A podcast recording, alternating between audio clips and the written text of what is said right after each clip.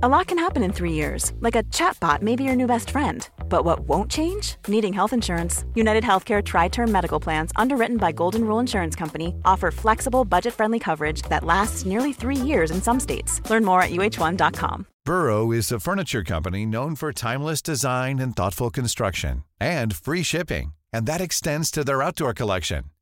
Their outdoor furniture is built to withstand the elements, featuring rust-proof stainless steel hardware, weather-ready teak, and quick-dry foam cushions.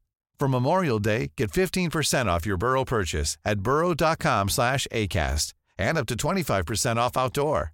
That's up to 25% off outdoor furniture at burrow.com slash ACAST. Hey, it's Ryan Reynolds, and I'm here with Keith, co star of my upcoming film, If, only in theaters, May 17th. Do you want to tell people the big news? All right, I'll do it. Sign up now and you'll get unlimited for $15 a month in six months of Paramount Plus Essential Plan on us. Mintmobile.com slash switch. Upfront payment of $45 equivalent to $15 per month. Unlimited over 40 gigabytes per month. Face lower speeds. Videos at 480p. Active Mint customers by 531.24 get six months of Paramount Plus Essential Plan. Auto renews after six months. Offer ends May 31st, 2024. Separate Paramount Plus registration required. Terms and conditions apply if rated PG. Jeg tenker på at det kanskje er litt paradoksalt at eh, jeg, en mann på 31 år som kjører konfirmasjonsscooteren sin til jobb, eh, mobber eh, den utrolig fine Porschen til Jan Thomas. Har du fått dårlig samvittighet? Jeg har fått litt dårlig samvittighet. Nei. Ja, for den scooteren din er jo ikke megafett. Det er den overhodet ikke. Og hvis Jan Thomas' i bil er en penisforlenger, så får jeg en vagina av det jeg kjører på. Det er helt sant.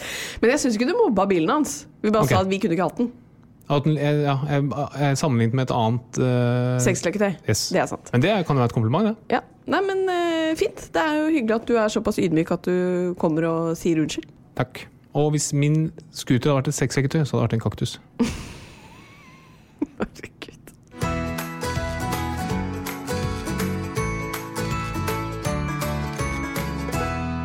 Hei, alle sammen, og hjertelig velkommen til en ny episode av Åpen journal.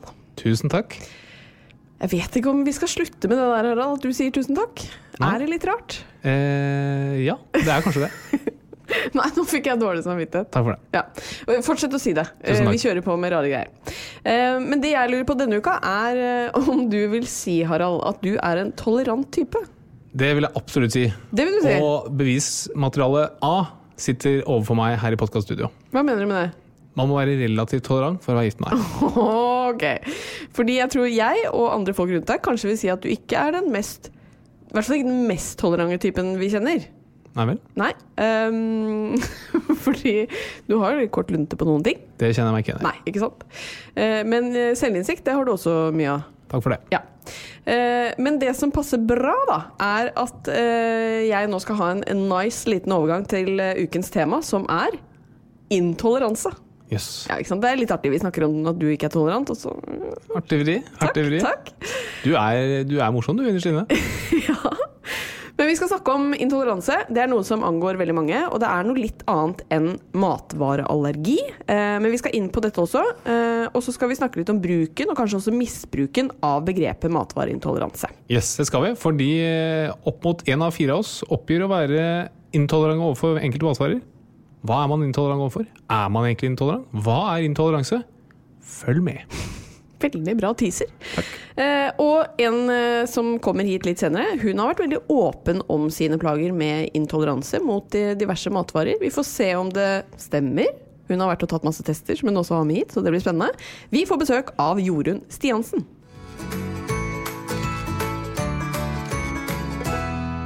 Jeg har en liten nyhet, jeg, Harald. Oi, Ja, nå er jeg spent. jeg er ikke gravid. Jeg følte at det du hørtes det, ut som uh... det, det vet jeg med 100 sikkerhet. okay. Ja, det er Eller det gjør jeg ikke. Jeg vet med 100% sikkerhet at du ikke er gravid med meg. Ja, det er sant. Men eh, det er jo flere muligheter. Ja. Men det er ikke det? Nei, det er ikke det. eh, Men det har liksom noe med graviditet og fødsel og sånn å gjøre. Ja. Kan jeg få gjette? ja. Ehm, det har med graviditet å gjøre. Eller det har noe med Bernhard, Bernhard å gjøre. At ehm, Nei, kan jeg få et hint? Eh, vi skulle jo registrere navnet hans. Ja. Ja.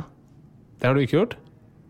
Nei, altså problemet var at jeg skulle registrere navnet hans på Kan det være at vi ikke er registrert som gift? Vi er ikke registrert som gift. Nei, er det sant? Ja. Er det fordi det er annullert, eller fordi det ikke ble registrert i sin tid? Jeg aner ikke, jeg skjønner ingenting. Jeg. Det som har skjedd, er at vi skulle registrere navnet til Bernhard eh, i folkeregisteret. Da får jeg beskjed om at Harald ikke har foreldreansvar. eh, Eller farskap. Nei, det er en liten mulighet som uh, ymter seg frampå for meg nå. Ja, uh, Og at jeg har foreldreansvar alene. Så da sendte jeg inn en søknad Deilig. om at du også skulle ha delt foreldreansvar. Bare, bare i helgene. Nei, og så får vi da tilbake en, en, eh, et svar om at uh, den er avvist. Uh, og så skjønte jeg altså, Til skatteetaten, dere må begynne å ordlegge dere litt mer forståelig. For verken du eller jeg skjønte noen ting av det svaret, hvorfor ikke du fikk foreldreansvar. Nei. Så da ringer jeg til skatteetaten i dag og så sier jeg bare hei, du, vi er gift. Og da har jeg skjønt at egentlig så skal det foreldreansvaret deles automatisk på begge to. Og så sa hun nei, dere er ikke registrert som gift. så du er ugift her i Norge. Jøss. Ja. Hører dere det der ute? En liten invitasjon. Frida Karlsson. Tjenere. Så da fikk jo jeg litt sjokk. Eh, Så vi må finne den originale vigselsattesten, som jeg ikke aner hvor er. Eh, Og så må vi sende inn den, og så blir vi forhåpentligvis gift her også. Jøss.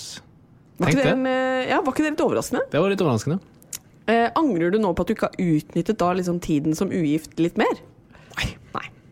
Det gjør jeg ikke. Men øhm, her kunne man tatt en liten Halvard Flatland øh, aggressiv variant og bare sagt at nå leverer vi tilbake en ungen, og så tar vi den ikke ut igjen fra sykehuset før dette er i orden. Ja, for han hadde ment at det ikke var hans feil. Ja. Ja. Nå er det noen som har øh, ikke gjort jobben sin, og det må de få smekk på pungen for. Ja. Men er det ikke egentlig vi som ikke har gjort jobben vår? Sannsynligvis. Ja. Så det er eh, rett og slett eh, litt ugreit. Men eh, jeg skal sende inn de papirene så fort som bare rakkeren, så han får noen foreldre som er godt gift på papiret også. Det høres ut som en bra løsning. Og ellers siden sist så har vi jo fått en ny hobby, og det er rett og slett eh, Kamasutra? Nei. Har du fått det siden sist, så blir jeg i så fall veldig overrasket. Ja, nei. Nei, jeg har ikke det. Nei. Men vi har fått en ny eh, hobby, og det er sånn fotballmanagerspill. Ja, Fantasy Premier League. Ja! Eh, hvordan føler du at det går så langt? Ikke så veldig bra. Jeg har jo aldri interessert meg for fotball overhodet. Og det har vært en hemsko i mitt liv, som mye annet. Og så tenkte jeg nå skal jeg begynne å interessere meg for fotball. Så jeg begynte å se litt på fotball, og da heier jeg på det flotte laget Manchester United. Fordi der er Ole Gunnar Solskjær manager. Norsk fyr. Veldig spennende. Ja, jeg også heier på ManU, uh, mest pga. Victor Lindløf. Bagel. Han er jo en kjekkas. Um, men vi heier jo på de, og så har vi jo da et eh, vennepar som har invitert oss til en sånn uh, konkurranse mot de i fotballmanagement. Uh, men så langt så går det jo relativt dårlig. Ja, det gjør det. Vi er jo ikke spesielt gode i dette her og kan ingen verdens ting. Så nei, det her var jo ikke veien å gå for oss. Nei. Vi må bevare jobben vi har til vanlig. Ja, fordi da har vi jo annet kjøpt liksom en av de dyreste spillerne, Vardy, eh, som du har satt som tredjevalg på benken. Jepp. Ja. Eh, mens en annen spiller som du valgte, tok du ikke ut fra liksom hvem som er best. Du valgte eh, Du kan fortelle selv. Hvor, hvordan valgte du den ene forsvarsspilleren? Nei, han er spiss. Ja, han er spiss, ja. Han har samme etternavn som eh, eksen min. Det var argumentet for å velge han! Ja. Men jeg tror ikke de er i slekt. Men uh, det, er, det er på det nivået jeg er sånn fotballmessig. Ja. Og i og med at ikke vi kan så mye, så fortalte i hvert fall min venninne Marte, som vi konkurrerer mot, at uh, den spissen, den er ikke spesielt god. Så det Men eksen var god. Fy fader. Så vi får eh, jobbe litt videre. Men det er jo veldig gøy da, å være med i dette spillet. Er det ikke sånn at han, eh, Magnus Carlsen er sånn kjempegod i det? Jo, jeg tror han har vært på topp i verden i dette her. Ikke sant? Så det Tror du er, han har samme lagoppsett som oss? jeg tror ikke han har valgt navnet på eksen som spiss. Nei, det får hans tap. Og så har jeg fått med meg altså, at det er blitt populært med sånne mm, videohilsener på nett. At du kan logge inn, eh, at kjendiser kan logge inn og selge hilsener. Jeg husker ikke helt hva det heter, men ikke sant, for bursdagshilsener eh, Skjønner du hva jeg mener? Ja, hi Ja. hilsener. Ja. Tulla. Eh, ja, det er en egen nettside. Så det har jeg også tenkt å begynne med. Så der kan du logge inn, og så kan jeg eh, Hvis du betaler 500 000 kroner, så sender jeg en hilsen til deg. Ja. Eksempel eh, 'gratulerer med dagen'-hilsen. ja.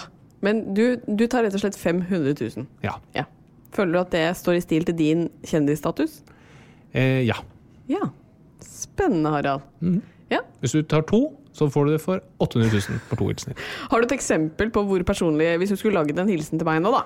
Jeg har men jeg, det jeg kan gjøre, jeg kan her gi en gratis variant som folk kan klippe ut av podkasten okay. og så bruke. Ja. Det er til en verdi av 500 000 kroner. Eksempel til alle som heter Bernhard. ja. si. Kjære Bernhard. Det er utrolig hyggelig å høre at du har bursdag i dag. Du har blitt en så stor og fin gutt, og alle rundt deg er så glad i deg. Stor hilsen også fra Harald Doblaug, kjent fra Fagborrevyen 2008 og podkasten Operasjonal.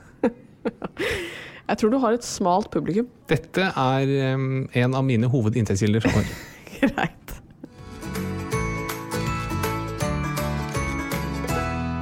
Stadig flere av oss tar ansvar for egen helse, og stadig flere har også økt fokus på maten som vi spiser, særlig når det kommer til hva vi tåler og ikke tåler.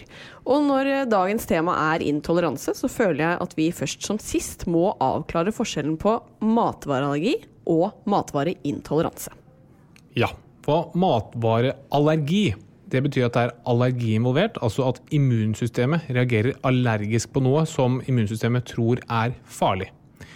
Så eh, det som er det samme som glutenallergi, det er et eksempel på matvareallergi. Og det som skjer er at Når du får i deg gluten, så tror kroppen at dette er en farlig inntrenger som den vil bekjempe. Og det gjør den ved å skille ut masse skumle stoffer, som bekjemper da selvfølgelig glutenproteinet, men det bekjemper også mye ting rundt, da, så det skader tarmen. Det er allergi. Ved matvareintoleranse så er ikke immunsystemet involvert på noen som helst måte. Det er bare et eller annet som gjør at kroppen reagerer uvanlig på en matvare. Men det er veldig subjektivt. Her finnes det eller veldig få måter å måle dette her på. Og Derfor er det mye mer diffust. Fordi man kan si at du, jeg føler at hver gang jeg spiser eh, gluten, så blir jeg oppblåst og får vondt i magen. Det ville vært en intoleranse så lenge man har utelukket glutenallergi. Ja, og bare for å ta det, glutenallergi kan jo veldig enkelt diagnostiseres. Eh, Ja, sånn eh, rimelig altså man, Det kan i hvert fall veldig sikkert diagnostiseres. Ja. Ikke nødvendigvis enkelt, men ganske sikkert eh, diagnostiseres. Ja. Mens intoleranse for eksempel, finnes jo alle varianter. Noen er også veldig enkle å påvise, f.eks. laktoseintoleranse. Laktose er det samme som melkesukker. Det er da mennesker som har, mangler et eh, enzym eller et protein i magen som gjør at laktose, altså melkesukker, ikke brytes ned. Og da får de vondt i magen, diaré, oppblåsthet av å drikke melk. Mens noen mener bare at nei, jeg er intolerant overfor egg, f.eks. For eksempel, fordi de føler at, eller altså de får vondt i magen, blir oppblåst og får gass i magen av å spise egg. Uten at man klarer å finne at kroppen reagerer på egg. Det er bare noe man tenker og føler. Men så bare så jeg skjønner dette riktig. Laktoseintoleranse kan eh, påvises med en test, Ja, men veldig mange av de andre intoleransene kan ikke på en måte påvises. Helt korrekt. Ja. Man, man, kan, man kan teste om det faktisk stemmer, men det er veldig få som gjør. Okay. De, eh, man opplever det en eller annen gang. Kanskje man hører at noen er eh, Kanskje man ser på en YouTube-film, og så ser man at det er en kjendis som har kutta ut gluten, føler seg mye bedre, og så gjør man det samme. Og så Hvis man da får i seg gluten, og vet man får i seg gluten, så får man da symptomer som magesmerter, oppblåsthet, hodepine, litt sånn det vi kaller mer diffuse symptomer, som man selv tar som bevis på at man da er intolerant overfor gluten. Ja, for hva er symptomer da på at man er intolerant for en matvare? Det vanlige er at man får eh, diaré og mageknip eller oppblåsthet eh, og kvalme og hodepine. Så Det som også er litt eh, vanskelig med disse symptomene, er at dette er jo symptomer som kan oppstå av veldig mye annet. Også hvis du tror du får i deg noe som er skadelig, men som ikke nødvendigvis er skadelig. For i hvert fall det med eh, matvarer som inneholder mye gluten, så blir vel egentlig de fleste av oss litt sånn oppblåst etterpå. Ikke det som er med gluten, er det at det er gjerne mye gluten i ting som har mye karbohydrater. Ja. Og de som spiser glutenfritt, spiser som regel også mindre eh, karbohydrater. Og det er det gjort studier på, hvor du har mennesker som sier at de er glutenintolerante, og så viser det seg, når du blindtester de, at de reagerer ikke på gluten i det hele tatt, men de, reagerer på karbohydrater. Og det gjør alle sammen. For tarmgass, eksempel, som vi alle har, det lages Særlig du. Særlig du. I all hovedsak av karbohydrater. ja. Ok. Men hva er de vanligste typene intoleranse, da? Eh, Så det er ganske, det er ganske vanlig, dette her. Og som, som jeg sa innledningsvis, opptil én av fire oppgir at man har en, en intoleranse. Så det vanlige er laktoseintoleranse. Det er igjen helt objektivt og påvisbart. Da. da kan vi veldig enkelt se om man har det. Em, og så kommer gluten ganske høyt opp. Og så er det alle mulige andre varianter av alle tenkelige matvarer som eh, man kan eh, oppgi å ha en intoleranse for. Ja. Og hva Ja, unnskyld. Ja, Det som også er vanskelig, er at noen har jo en, helt, en objektivt påvisbar intoleranse. Så det blir et litt utvannet begrep, fordi det skal jo veldig til å få diagnosen intoleranse. Hvis jeg sier at jeg er eh, laktoseintolerant, så må folk bare tro på det. Og da finnes det noen som faktisk er det, objektivt påvist og så noen som ikke er det. Ja, og hva skal til da for å få diagnosen intoleranse? Egentlig ingen verdens ting. Nei. Du må bare si at du har det, så tror folk på det. Men når det gjelder laktoseintoleranse, så finnes det blodprøver man kan ta, og man kan også gjøre en del testing for å finne ut om man faktisk er det. Når, man, når man tar grupper som sier de er intolerante, og gjør objektive tester, så viser det seg at over 90% av de som oppgir å ha en matvareintoleranse, ikke har det. Men ikke sant, si man hadde testet da, for både det ene og det andre, som du sier at man veldig sjelden gjør. Um, er det ikke litt sånn vi leger er litt uh, redde for å gjøre, fordi man vil jo ofte sikkert få litt sånn positivt utslag her og der, uten at det kanskje har noen uh, reell eh, verdi i hverdagen?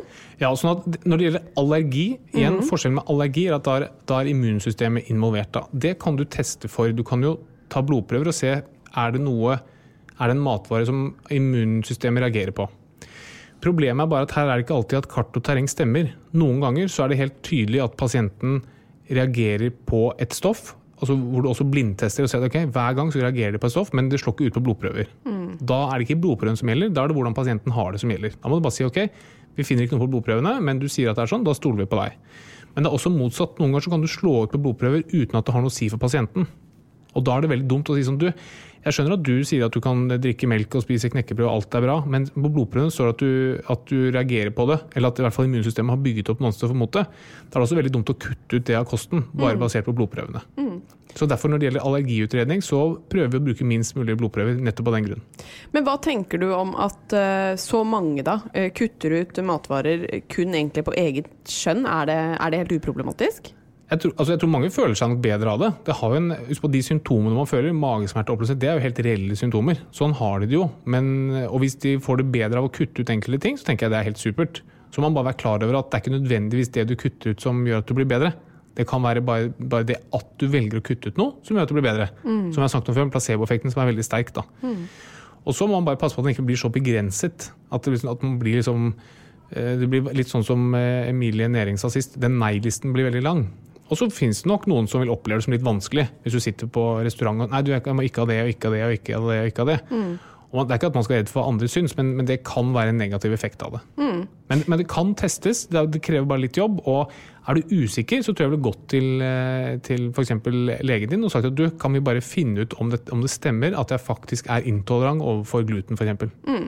Ja, for det at, det, det at det er liksom vanskelig å påvise, da, eh, gjør jo også at eh, folk diagnostiserer seg kanskje litt selv.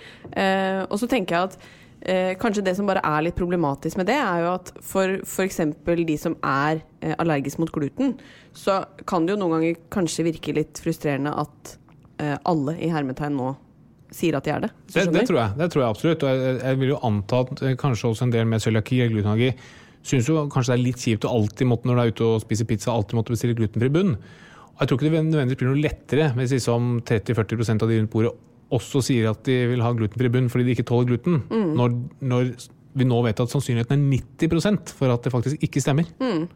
Så det, det tror jeg er riktig. Men jeg tror mange opplever at det finnes så mye god informasjon på nettet og sånn, at både ernæringsfysiologen og legen blir helt overflødig. Og på en del områder så kan man kanskje strekke seg til å være enig i at mye man finner bra informasjon på nett, men husk på at man som lege eller helsepersonell du kan ha et litt sånn overordnet blikk på dette her, og prøve å være litt sånn objektiv støtteperson. Og hjelpe deg å navigere i dette terrenget som er ganske vanskelig. Ja, det er jo det. Men er det sånn at dette kan oppstå sent i livet, eller er det sånn at uh, hvis du begynner å få plager i en alder av 40, så, så er det ikke intoleranse? Nei, det, det kan absolutt oppstå sent i livet også. Og det vi må huske på, det er noe som heter um, IBS, eller irritabel tarm. Det er det veldig, veldig mange som har. Og irritabel tarm er en tilstand hvor man sannsynligvis har en litt sånn sensitiv tarm. Altså det er noe i liksom mekanismen til tarmen som gjør at den reagerer litt kraftigere på f.eks. strekk eller gass eller luft. Og veldig ofte så vil de bli bra Altså Det vi vet hjelper hvis du har irritabel tarm. Og Symptomene på irritabel tarm er at du har litt diaré, litt eh, fastavføring om hverandre, at du er oppblåst, du har mye gass, du kan ha vondt i magen, som ganske mange opplever. Og veldig likt da som glutenintoleranse og matvareintoleranse. Og... Yes. Ja. Så, så irritabel tarm er det mange som har, og det vi vet hjelper det, det er å kutte ut det som heter FODMAP-mat. FODMAP. Og det står for lange eh, sukkermolekyler, lange karbohydratmolekyler. Og hvis du kutter ut det, da blir veldig mange med irritabel tarm mye bedre. Hvis du kutter ut disse FODMAP-matvarene. Men når du spiser glutenfritt, så spiser du også mye mindre FODMAP. Ja. Og Derfor så vil mange kunne si at du, jeg blir så mye bedre av å spise glutenfritt. At det er helt åpenbart at jeg er glutenintolerant. Da vil jeg kanskje si at for mange av disse så gjelder det sannsynligvis at de har irritabel tarm, øh, og blir bedre av å kutte ned på disse FODMAP-matvarene. Det er komplisert her, kjenner jeg. Ja, Det, er, det er på en måte komplisert, men samtidig veldig lett. Ja. Og så er det liksom, hvor mye skal man gidde å legge seg opp i altså andres intoleranse. og Det er liksom veldig lett å sitte med pekefingeren og si jeg vet at det er 90% sannsynlig at du ikke er intolerant, mm. men folk må lov, få lov til å gjøre som de vil. Absolutt. Um, men hva tenker du som lege om at flere og flere diagnostiserer seg selv, da? Nei, jeg, tror, jeg tror ikke det nødvendigvis er så veldig bra. Jeg tror det er lurt og når det gjelder å stille diagnoser, at man går til noen som kan det. Det trenger ikke å være lege. eller... eh, Ja, men- hvem andre skal du gå til, holdt jeg på å si? Nei, altså Du går til en sykepleier eller en eh, fysioterapeut eller en ernæringsfysiolog, men noen som kan bare prøve å holde et litt sånt øye med hva som egentlig skjer her. Fordi det som ofte skjer, er at du, du begynner å lure på Jøss, du jeg lurer på om jeg reagerer på kumelk, jeg. Så kutter de ut kumelk, og så føler de seg bedre. Og da har de fått bevis for den teorien sin. Da har de si, ja, jeg lurte meg hva jeg reagerte på kumelk, tok det vekk, føler meg mye bedre. Jeg er mindre trøtt, jeg har mindre vondt i magen, osv. Men det er ikke nok. Det, for en lege eller en akademiker så vil ikke det være noe bevis for noe som helst, fordi du vet at det er kuttet ut. Og da kan det være bare det at du vet at du har kuttet ut som gjør at du føler deg bedre. Altså Placeboeffekten er ekstremt sterk da. Så det man gjør for å diagnostisere dette her, det er eliminasjon. Altså kutter ut enkelte matvarer, se om symptomene blir bedre, og helst uten at du selv vet hva du kutter ut, eller hva du innfører. Ja, hvordan klarer man det med mat, da? Nei, du, du klar, hvis, du har, eh, hvis jeg skulle gjort det med deg, da, for eksempel, så Ja. kunne jeg lagd en smoothie hver dag hver morgen. For eksempel. Ja. Og så sier vi én time etter og to timer etter du har fått den smoothien, så skal du rangere hvor vondt i magen har du, hvor mye gass har du, alt mulig sånn. Ikke sant? Masse gass. Og så sier man også jeg på enkelte dager i uken Ja. så tilfører jeg stoffer i den smoothien som du sier at du reagerer på. Ja. Og da vil vi se, ok, men vet du hva, de dagene så får du faktisk ikke mer gass eller mer vondt i magen. Nei, ok, da er det ikke en intoleranse. Den var fin. Den er fin. Ja. Men ok, det er jo en måte å, å ta tak i det på hvis man lurer på om man er intolerant. Eh, Hvilke andre tips har du, da? Eh, bare vær klar over at 90% av de som tror de har det, faktisk ikke har det. Og at det fins veldig mange som hjelper deg gjennom dette her. Og at hvis du nå går på en diett som du er happy med, føler deg bra, da står du i det, og så blåser du i hva andre syns. At man sitter på en podkast og er lege og vet alt mulig, og sånn, det man bare dritt i. Jeg er overbevist om at jeg ikke tåler tomater. Føler meg super når jeg kutter ut tomater. Ingen konsekvens av å kutte ut tomater. Ja, fortsett. Men du tåler tomater. Jeg tåler tomater. Men jeg, det jeg blir intolerant mot, Ja. det er eh, alt av oppvaskmidler, vaskemiddel i hus og oppvask. Ja, det er veldig rart, det der. Nå blir jeg får ekstremt vondt i magen. Den intoleransen har jeg ikke hørt om før. Nei, men nå er ikke du ferdig studert heller, min venn. Ok. Ja, men den er grei. Uh, vi får uh, ja, Da, da syns jeg faktisk vi skal ta en tur til legen med akkurat den intoleransen Jeg der. er For den så det trengs ikke. kjenner jeg at vi må Den må vi sjekke ut.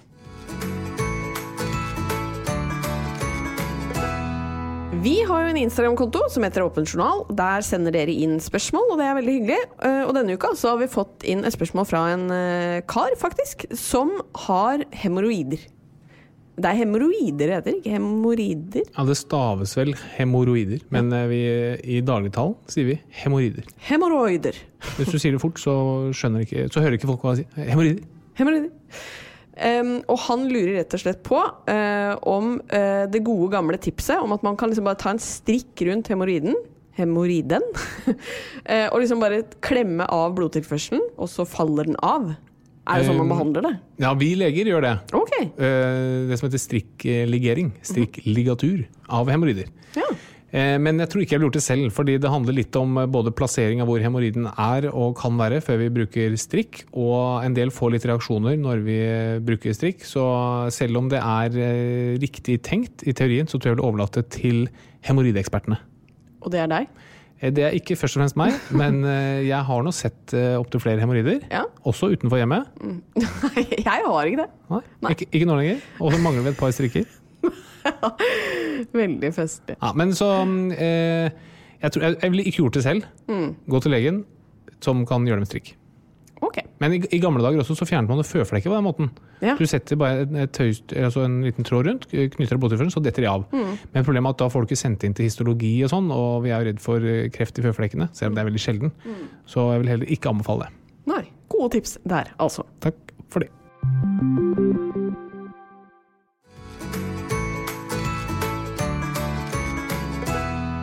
Dagens gjest det må jo være en av Norges eh, blideste kjendiser. Jorunn Stiansen, velkommen. Takk.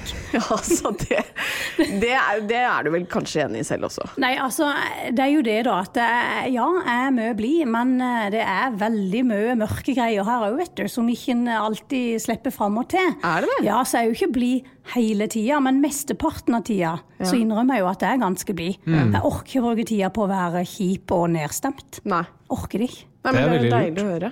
Jeg tror liksom det, for jeg tenker når du våkner, så har du et valg. Du kan bestemme deg for at enten skal denne her dagen bli gysla bra, eller så er det første du tenker på åh, for en tung dag. Ja. Og da blir det jo en tung dag. Så alt handler om mindset, tykker jeg, og så har jeg jo mye å være takknemlig for. Og det blir en jo òg glad for. Ja. Og det er, man kan jo nesten bestemme seg litt. Man har alltid mye å være glad for. Og så finnes det jo mye man ikke trenger å være glad for òg. Veldig bra, vendels. Karl. Elsker det. Takk det. Skal du snakke sånn gjennom hele Det har jeg faktisk tenkt. Nei, jeg skal ikke gjøre det. Nei, det håper jeg ikke. Men, eh, men betyr det at du har det bra om dagen? Jeg har det veldig greit. Jeg har eh, to, eh, holdt på å si, eh, eller jeg har friske foreldre, friske folk i familien og en jobb jeg elsker. og Herlig samboer og får trent og kost meg. Og, så jeg, har det veldig greit. Men jeg er litt sånn lettpåvirkelig. Så når jeg ser nå alt det skumle i verden, så, bli, så kan jeg bli det. Derfor jeg sier ja, jeg er glad mye, men jeg kan sitte hjemme og bare føle at livet er svart og håpløst, for jeg ser så mange andre som har det så kjipt. Og liksom ting som skjer nå med denne koronaen. Og så tenker jeg jo på bestemor på 87 og mamma med parkinson og er livredd for dem. Så det merker jeg går og biter meg litt i fua. Derfor igjen det vi snakker om, jeg må velge. At ja, men nå har jeg det som jeg har det. Jeg er kjempeglad og takknemlig for det, og så er det utgangspunktet. Der, der tenker jeg at uh, vinklingen man får også fra mediene er veldig viktig. Og akkurat når det gjelder korona, litt interessant. Jeg bare øh, tok meg selv her forleden og bare gå gjennom de tallene som finnes rundt korona, for å se hva det egentlig er som skjer. Og husk at I Norge så er jo koronapandemien har jo til nå vært ca. en fjerdedel av en vanlig sesonginfluensa. Hvis du ser på antall som er døde, antall som er innlagt på sykehus. Ikke sant? I Norge hvert år så dør det 1000 mennesker av sesonginfluensa i snitt. Mellom 900 og 1000. Yes. Dør hvert eneste år av influensa. Det får ikke så veldig mye plass i mediene. Nei. Til nå i Norge har det dødd ca. 270 av korona. One size fits all seemed like a good idea for clothes Nice dress. Uh, it's a t-shirt. until you tried it on. Same goes for your healthcare. That's why United Healthcare offers a variety of flexible, budget friendly coverage for medical, vision, dental, and more. So, whether you're between jobs, coming off a parent's plan, or even missed open enrollment, you can find the plan that fits you best. Find out more about United Healthcare coverage at uh1.com. That's uh1.com. Quality sleep is essential. That's why the Sleep Number Smart Bed is designed for your ever evolving sleep needs. Need a bed that's firmer or softer on either side? Helps you sleep at a comfortable temperature? Sleep Number Smart Beds let you individualize your comfort so you sleep better together. JD Power ranks Sleep Number number 1 in customer satisfaction with mattresses purchased in-store. And now, save 50% on the Sleep Number limited edition Smart Bed for a limited time. For JD Power 2023 award information, visit jdpower.com/awards. Only at a Sleep Number store or sleepnumber.com. Hey, it's Ryan Reynolds, and I'm here with Keith, co star of my upcoming film, If, only in theaters, May 17th. Do you want to tell people the big news? All right, I'll do it. Sign up now and you'll get unlimited for $15 a month and six months of Paramount Plus Essential Plan on us. Mintmobile.com slash switch. Upfront payment of $45 equivalent to $15 per month. Unlimited over 40 gigabytes per month. Face lower speeds. Videos at 480p. Active Mint customers by 531.24 get six months of Paramount Plus Essential Plan. Auto renews after six months. Offer ends May 31st, 2024. Separate Paramount Plus registration required. Terms and conditions apply if rated PG. Ikke sant? Men du, er mye, du sitter og er mye mer redd for korona. Ja. Nå ble du glad. Ja, eller ble nesten litt lett Eller uff, Nei, det var fælt å si. Ja, men jeg skjønner hva Men informert, opplyst. Ja, og det samme med sykehusinnleggelser. Ikke sant? Mange er redd for at det ikke er kapasitet på sykehus. og sånn. Hvert år i Norge så legges, innlegges det ca. 5000 pasienter med influensa. Til nå vært ca. innlagt 1000 med korona. Jøss. Ja, og, det, og det, den nyansen der får man jo ikke så veldig fram i media. Og det, så dette er ikke for å avdramatisere det så veldig mye, men det er bare for å objektifisere det lite grann. Fordi man sitter og er redd for dette her, og det skal sies at eh, korona er jo mer smittsomt, og det er sannsynligvis mer dødelig enn en influensa. Og grunnen til at vi har hatt så lite smitte i Norge, er jo nettopp fordi vi har innført så strenge tiltak. Men, men det kan være greit å bare noen ganger få litt sånn perspektiv på det. Og da skjønner man også litt mer hvorfor noen nå er ute og protesterer mot de strenge tiltakene. Fordi igjen, vi har en, en epidemi som er fire ganger sterkere hvert eneste år. Som får lov å gå relativt upaktet hen. Det her var egentlig veldig fint å høre. Ja, jeg er enig. For det at når ikke en kan så mye om det, eller vet så mye om det, og så som du sier, du leser de overskriftene en gjør Jeg innrømmer det, jeg var helt nervevrak når det brøt ut. Livredd. Jeg følte sånn Oi. Er det sånn her Ikke akkurat krigen føltes, men altså helt isolert, var dødt i gatene. Hva skjer nå? Død mamma og bestemor, liksom. Var helt paniske.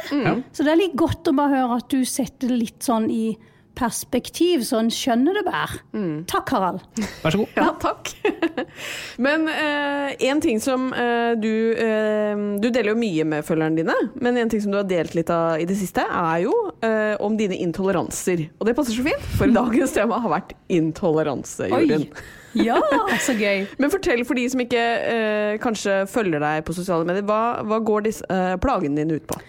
Du, helt ifra jeg kan huske at jeg drakk skolemelka på barneskolen, så eh, fikk jeg jo høre, for jeg er jo veldig glad i mat, alltid spist mye.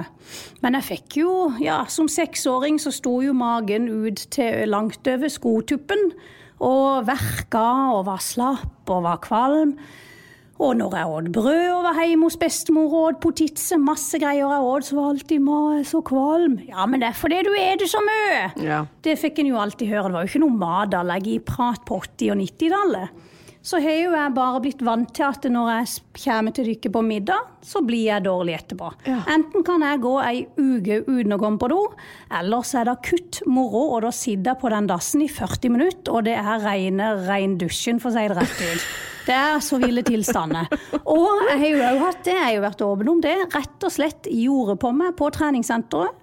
Da drakk jeg en shake som ikke jeg tålte, bang, rett i buksa, og sånn var det. Og da, for da klarer du ikke å holde tilbake? Klarer ikke å holde tilbake, det tar helt av. Eh, og så har jo jeg da igjen elsker mat, men jeg har jo begynt å se da at eh, jeg er det lørdagsgodt i helgene, og liksom pizza og kos. Men er det verdt lenger å gå og være kvalm, slapp, få stoppa eller diaré fram til onsdag og torsdag? Og det fant jeg ut at sånn kan jeg ikke ha det lenger. For jeg er jo, fulgt på seg, som du sier, jeg prøver jo å være glad og positiv og ha mye energi, men allikevel da så er ikke den energien optimal, for det er noe jeg har gjort feil med det jeg putta i meg. Det ligger jo en demper på stemningen når du har gjort det i buksa. Ja, det var ikke så gøy. Det var ganske kjipt. Ja, det skjønner jeg. Ja da, så eh, etter litt for mange sånn noen nesten-uhell òg, så jeg tenkte at nå må jeg begynne å gi kroppen det han virkelig ber om, enn Yes. bare det jeg har lyst på. Og hva gjorde du da? Hva var første skritt? Første skritt, da eh, tenkte jeg at nå må jeg eh, kontakte noen som er spesialister på dette. Så da fant jeg en klinikk i Tønsberg som eh, visstnok var spesialister på eh, ja, ernæring, fysiologi, alt det her. Så ringte jeg bare henne og sa jeg vil ta alt som fins og eksisterer av prøver, sånn at du kan finne ut hva er det som gjør at jeg er i så dårlig form. Og da tok vi en haug av blodprøver og tisseprøver, og i fem uker så skulle jeg bare ete sånn og sånn og sånn, for å prøve å kartlegge om jeg sjøl kunne se hva er det jeg stapper i meg som gjør meg dårlig, til når jeg da snakker med henne fem uker etter. Så um, kjempespennende. eh, Fem uker, et rent det var ikke noe greit, for å si det sånn. En satt og skalv og var redd for å ete, og det lille jeg åt, ble jeg jo dårlig av igjen. Og da gikk jo det på motivasjonen, når en da satt på ramma igjen. Og så siden bare å telle ned og vente på prøveresultatet. Og så har jeg jo mistenkt at det var kanskje melkeprodukter og gluten som ikke kroppen min ville ha. Men så er det jo plutselig andre ting òg. Jeg reagerte på. For du gikk ikke til fastlegen. Jeg gikk eh, til fastlegen når jeg var, var jeg på videregående. Så sa jeg jeg lurer på Kan det være at det jeg eter, gjør at jeg er litt slapp og verk i magen? Så tok han pekefingeren, og så stappa han den sånn i magen. Å nei, du, det er nok bare du som er så glad i mat, sa Ah, han. ja. Jøss! Nå satte jeg vann i halsen her. Det var jo et veldig spesielt uh, svar. Hva tenker du om det svaret, Harald? Nei, det var kanskje ikke det man trengte eh, der og da. Og kanskje tok litt eh, lett på det. Ja. Men en finger i magen, altså på magen eller opp i bakveien inn i magen? Nei, nei, han bare sånn poka meg sånn, vet du, litt sånn. Tok fingeren og poka meg. At nei da, det er nok bare du som er så glad i mat. Det som er litt problemet er at Du mister jo liksom tilliten for alltid. da. Ja. Så neste gang man skal ut og søke hjelp, sånn som du gjorde, da stikker man gjerne til andre steder. Ja, jeg må nok, siden du sa det nå, så innrømmer jeg jo at det var derfor jeg gjorde det. Jeg gikk til fastlegen, jeg ringte rett til den klinikken som sto var spesialister på det da. Og det er jo Det skjønner jeg veldig godt. Og så er det litt risikofylt, fordi ja. det er veldig Det som er fordelen med fastleger, er at de Ulempen kan jo være at noen, som i alle yrker, kan være litt, ta litt lett på det. Som du møtte jo en minusvariant. Men fordelen er det at de har jo veldig få økonomiske insentiver knyttet til hva de finner og ikke finner. Mens andre, f.eks. eksperter på disse tingene, kan ha litt flere økonomiske insentiver knyttet til hva de finner og ikke finner. Som i noen tilfeller teoretisk sett kan forskyve litt diagnostiseringen i en eller annen retning, oh, ja. uten at den nødvendigvis er eh, basert på studier og forskning. Men, men dette her med 'jeg vil teste meg for alt' det er et veldig dårlig utgangspunkt. Da. Sånn at Hvis du hadde kommet til meg som allmennlege og sagt 'jeg vil teste meg for alt', så hadde jeg sagt sånn 'kom her, liksom, og sett oss ta en prat, hvorfor vil du teste deg for alt?' Så er det sånn, det gjør vi ikke. Vi skal ikke teste deg for alt, fordi det vet vi at ikke er bra for deg. Og så tenker du ja, men jo mer jeg tester meg for, jo, min, jo mer oppdager jeg. Nei, det er ikke det. Det, går, det er dårlig for din helse at vi tester deg for alt Ja. faktisk. En, mens hvis du kommer til en, en, for eksempel en ekspertklinikk, da, så vil de selvfølgelig, jo mer de tester deg for, jo mer penger får de for det. Og, Ja. og det er et dårlig utgangspunkt. Kommer du til meg som fastlege, så om jeg tar én blodprøve av deg, eller ti, jeg får ikke noe mer penger. Sånn at jeg vil bare velge de blodprøvene som er bra for deg. Ja, det er litt lurt lurt å tenke på. Godt poeng. Men det som er interessant nå, er at da har du jo du har fått prøvesvarene tilbake igjen. Mm. og sikkert endra litt eh, livsstil, kanskje. Den er snudd så på hodet, du, min venn, at eh, jeg skjønner ikke sjøl at jeg holdt ut ei uke, for å si det rett ut. Nei, men Ja. fortell. Ok, Hva sa prøvesvarene aller først? Altså, det var jo helt gresk for meg, det som sto på eh, de prøvesvarene. Men eh, hun sa jo da kort fortalt at ja, din kropp ikke er glad i eh, melk, melkeprodukter, og gluten. Eh, at, eh, for det var jo det primært vel sånn sett hun sikkert har gått inn og testa meg for, da. Men eh, da var det det jeg måtte holde meg unna. Og da skulle jeg kutte det eh, tvert på dagen eh, til vi da skulle prates igjen, og det gjorde jeg jo. Men da kutta jeg det jo på dagen uten å ha en plan på ja, men hva skal jeg det? Og hva skal jeg få i meg, eller hva skal jeg det for å få i meg det jeg må og trenger? Så de siste ukene har jo jeg altså vært så lav på energi. Jeg har vært som et dovendyr, kvalm og fæl, fordi at jeg ikke har fått i meg alt jeg skal. Men, eh, men nå har jeg jo heldigvis da eh, fått hjelp av en som er fryktelig god på kosthold. eh, Som er satt opp da, et eh, mat, altså en matplan, oversikt over ting som han etter han så prøveresultatene mener at vi skal teste for å se om funker bedre da, for min kropp. Ja. Ja, men Så- Er mageplagene borte, da? Du, nå er jeg på min eh, i dag, ja, nå er jeg nesten to uker på den nye matplanen. Og nå eh, ser du ikke jeg retter meg opp og smiler litt. Altså, jeg kan meddele om at eh, avføringa er helt topp. Yes. Fantastisk. Ja, ja, bæsje en gang om dagen, og det er helt konge. dæven døtte. Men Ja. ikke i buksa? Nei, ikke i buksa, på toa. Yes. Og nå når jeg er det, så, er, så kan jeg se beina mine, jeg kan se knærne mine. Magen går ikke ut, og jeg føler meg så lett. Jeg sover mye bedre, mer konsentrert. Men, så det funka, men det å gjøre dette jeg gjør nå, koster jo enormt med hode og hjerneceller. Og det med motivasjonen, det er jo en annen prat. Kan du si litt om hva matplanen inneholder? Den er Ja, og igjen, kjære venner, unge følgere. Ja. Dette er jo meg og min kropp. Yes. Det jeg gjør nå, er ikke noe alle skal gjøre. De er jo forskjellige, takk og lov. Men nå er det veldig mye proteiner og veldig mye fett. Ja. Karbohydrater, det er det er så å si ikke-eksisterende.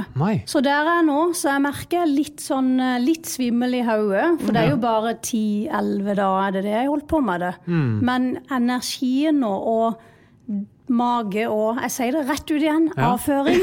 Ja, det er knallbra. knallbra. Jo, men det har masse å si for at man skal ha det bra, og det syns jeg er kjempefint at du liksom sier det rett ut. Ja, og du gløder. Ja, Det må jeg si. Ja. Ser veldig godt ut. Ja, det, det. det vi snakket om før du kom inn, Jorunn, er jo dette her med, eh, med intoleranser, karbohydrater osv. Mm. Mm. Det finnes jo en tilstand i medisinen som heter irritabel tarm, og hvor veldig mange blir bra av å kutte ut disse FODMAP-karbohydratene. Det du har kuttet ut, du har kuttet ut FODMAP-karbohydratene. Du har egentlig kuttet ut alt av karbohydrater. Så det som ville vært interessant å vite, er jo det at sant, nå har du gått til en ekspert i Tønsberg, fått tatt masse blodprøver, eh, kostholdsekspert, alt mulig sånn, og så har du endt opp med et kosthold med veldig lite karbohydrater.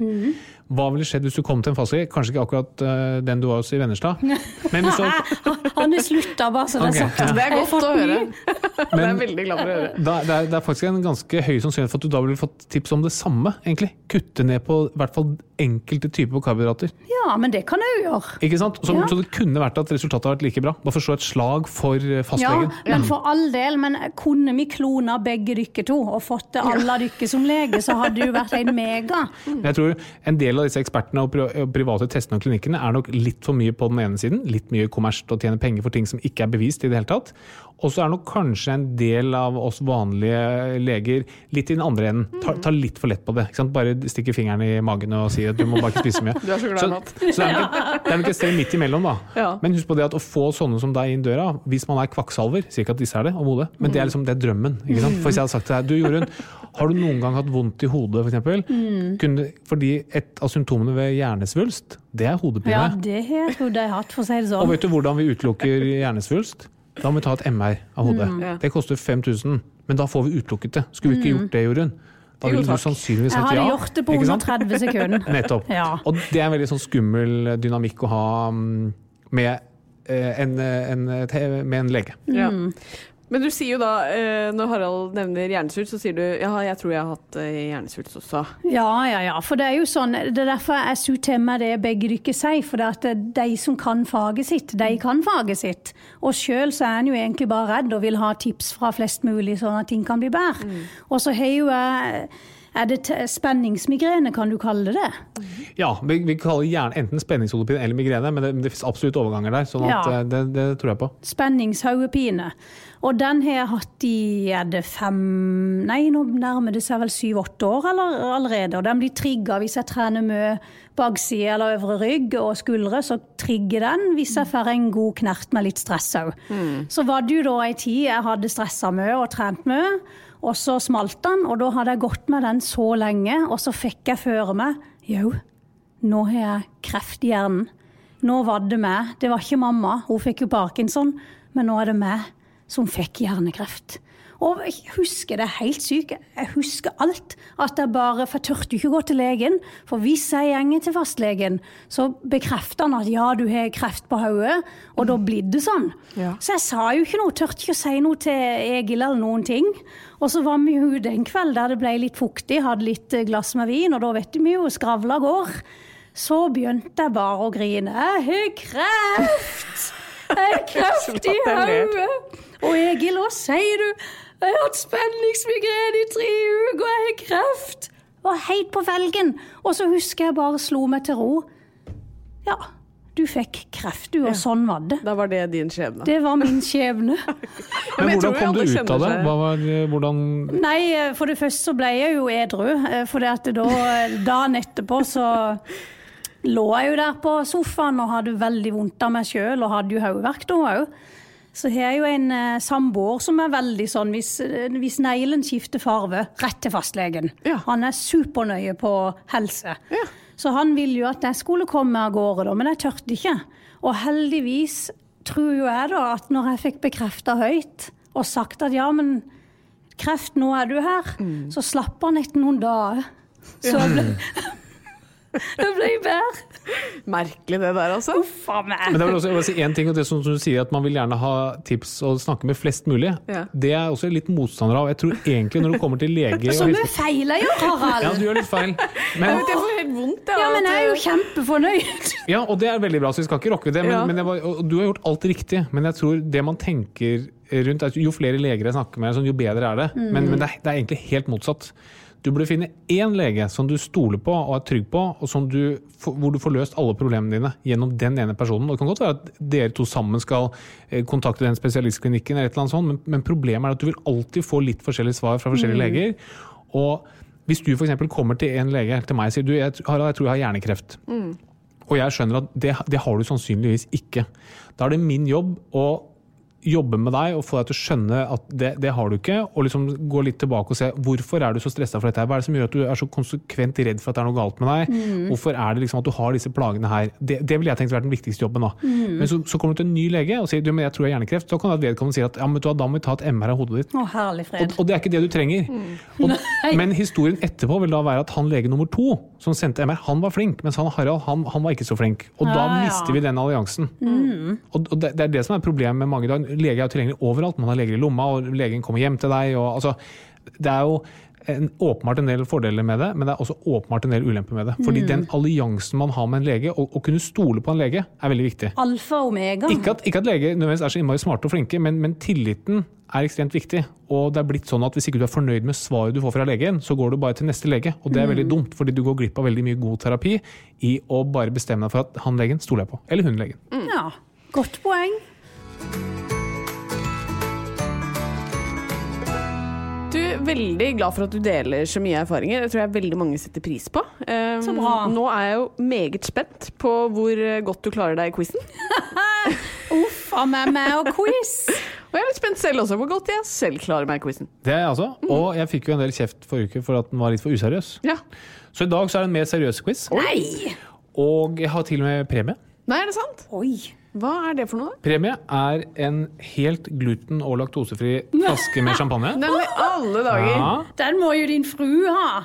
jeg, Ja, den har basert på på. erfaring fra tidligere quizresultater, så ender den champagnen ikke opp hos min fru. Oi. Og taperen får Twix-posens garanterte taper, en banantvist. Ja, er den glutenfri? Det antar jeg at den er. Er han melkefri? Det er den nok ikke. Nei da. Vi starter med deg, Jorunn Stiansen. Hvor lenge går en elef... Jeg har jo nettopp levd med en elefant som var gravid. Nei. Men hvor lenge går Spørsmålet er, hvor lenge går en elefant gravid? 16 måneder. Hvorfor kom det svaret så fort? Nei, de gjenger himla lenge, gjør de ikke det? Da tipper jeg eh, 18 måneder. Åh, det er faktisk 21 måneder. Ah, der er men der var begge nærme, Ja, ja. Om veldig bra. Ja. Men 1-0 til Katarina. oi, oi, oi. God hjelp fra deg, egentlig. da. Eh, Men det var veldig, du var veldig sikker i måten du svarte på. Det, det, det er bra. ja, men så godt, for jeg vet at de gjenger lenge gravid, men hvor lenge, det var jo et skudd i blinde. Det var det også hos fru Doblaug her på andre siden, men hun eh, Ja, traff da. Neste spørsmål starter med deg, Jorunn. Er det farlig for en hund å spise sjokolade? Ja, det tror jeg ikke kan være mye godt for han. Eller han elsker det sikkert, men jeg vil jo tro at det er noe med jeg vet ikke, tarmene eller øh, prosessering av dette ikke er bra for han, så jeg sier nei. Eller nei, hva du spurte om? Hva du sa? Er det farlig for Ja. en hund å spise sjokolade? Det- Yes, ja, okay. yes doctor, yes. Ja, det er det. Ok. Det er helt riktig. Det er, yes. Så ble det er 2-1 til Katarina. Ja. Neste spørsmål. Start med Katarina. Hva skjer hvis du har en voksen labrador som spiser en hel melkesjokolade? Oi, hva skjer da? Nei, eh, den dør. Ok, gjør det. Ekstrem diaré og oppkast, som er sikkert himla kjipt for den eieren, tenker jeg. Okay, Svaret er ingenting. Hæ? Ja, det er for lite sjokolade til at det er farlig. Å ja. Å, herlig fred. Mm, så den for eh, Jorunn, hun var nærmest. Du, Nei, døden er liksom for langt unna. ja. Men, eh, men det som, bare for å presisere det, det, det det har å gjøre med er type sjokolade. Melkesjokolade inneholder lite av det stoffet som er farlig for hundene. Og en labrador veier liksom typ 20 kilo opp. da. Så hvis det hadde vært en eh, mindre hund, eller mørk sjokolade f.eks., så kunne det vært farlig. Men okay. en voksen labrador som spiser en hel melkesjokolade, ikke noe farlig. Mm. Neste spørsmål. Eh, Jorunn. Laktoseintolerante de mangler et enzym i tarmen som heter laktase. Kan man da bare spise litt laktase, og så forsvinner laktoseintoleransen? Nei. Katarina? Nei. Jo, det kan man. Hæ? Er det Ja. sant? Altså, det, eh, laktoseintoleransen forsvinner jo bare så lenge du har denne laktasen i magen, men, men det kan du gjøre. Hvis du drikker melk samtidig som du da får i deg laktase, så er det all good? Yes, altså Du blir ikke 100% men ganske allkutt. Sånn, hvis du f.eks. er laktoseintolerant -hmm. og skal bort og spise bløtkake, f.eks. hvis du da istedenfor å si sånn du jeg vil ikke ha bløtkake, så kan du spise litt laktase. Neste spørsmål. Juri, det er altså to-to meget spennende. Oi. Neste spørsmål. Hvor mange prosent av eh, verdens voksne befolkning er laktoseintolerante? 75. 75 Så tre av fire Nei, nei, det tenkte jeg på Sør-Amerika. 75? Ok, Katarina. Nei, jeg kan ikke si 75. Det var for Sør-Amerika. Ja, jeg ville sagt 2 Fem, da. Riktig svar er 60% 60? Yes. Og jeg lo av svaret. Er jeg var det jo nærmest. Ja. Men det er helt riktig at det er enkelte deler av området, enkelte områder i verden hvor det er mye mer, og her i Nord-Europa mye mindre folk som er laktoseintolerante.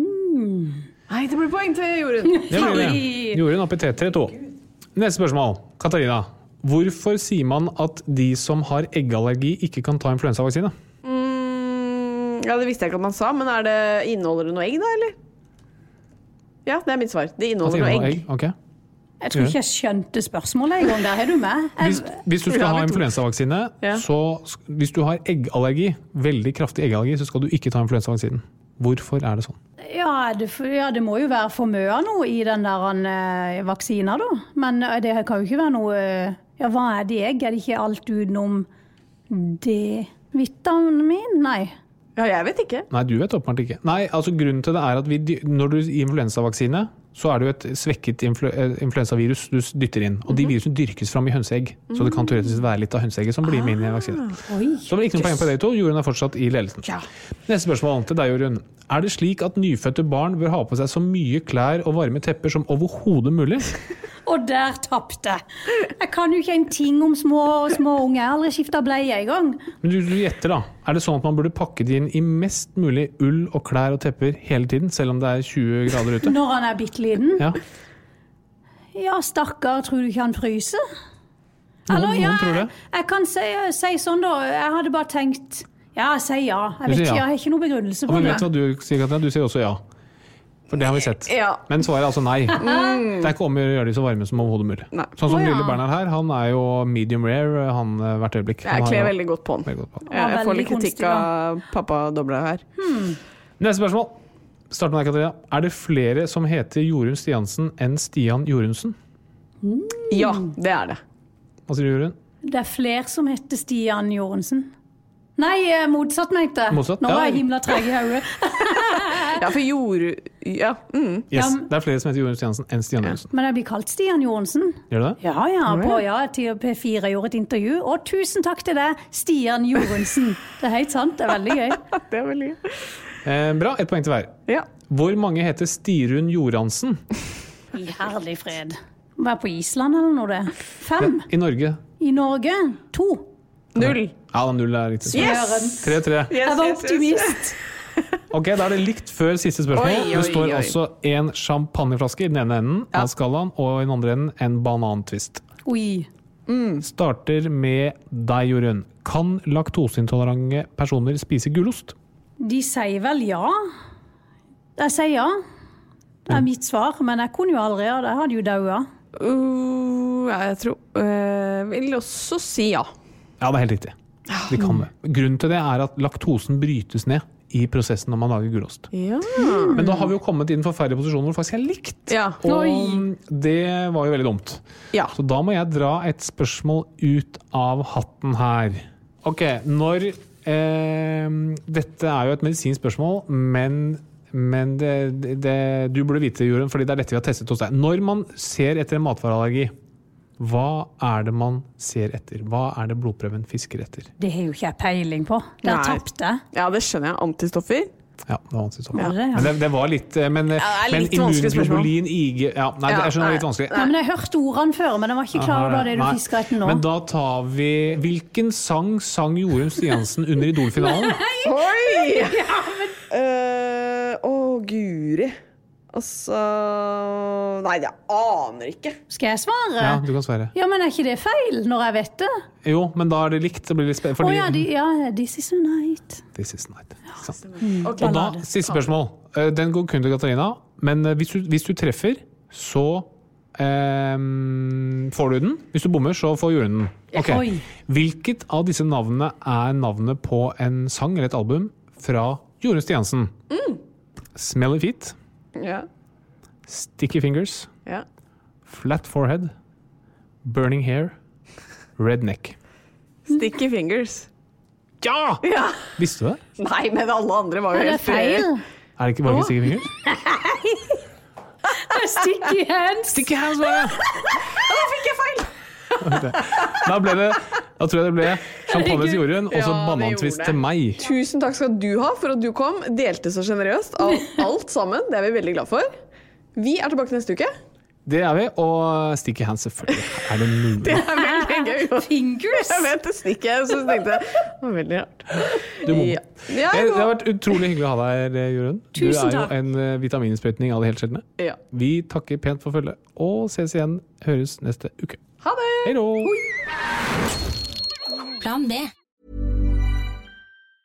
Planning for your next trip? Elevate your travel style with Quince. Quince has all the jet setting essentials you'll want for your next getaway, like European linen, premium luggage options, buttery soft Italian leather bags, and so much more. And is all priced at 50 to 80% less than similar brands. Plus, Quince only works with factories that use safe and ethical manufacturing practices. Pack your bags with high-quality essentials you'll be wearing for vacations to come with Quince. Go to quince.com slash pack for free shipping and 365-day returns. Imagine the softest sheets you've ever felt. Now imagine them getting even softer over time. That's what you'll feel with Bowl and Branch's organic cotton sheets. In a recent customer survey, 96% replied that Bowl and Branch sheets get softer with every wash. Start getting your best night's sleep in these sheets that get softer and softer for years to come. Try their sheets with a 30-night guarantee. Plus, get 15% off your first order at bowlandbranch.com. Code BUTTERY. Exclusions apply. See site for details.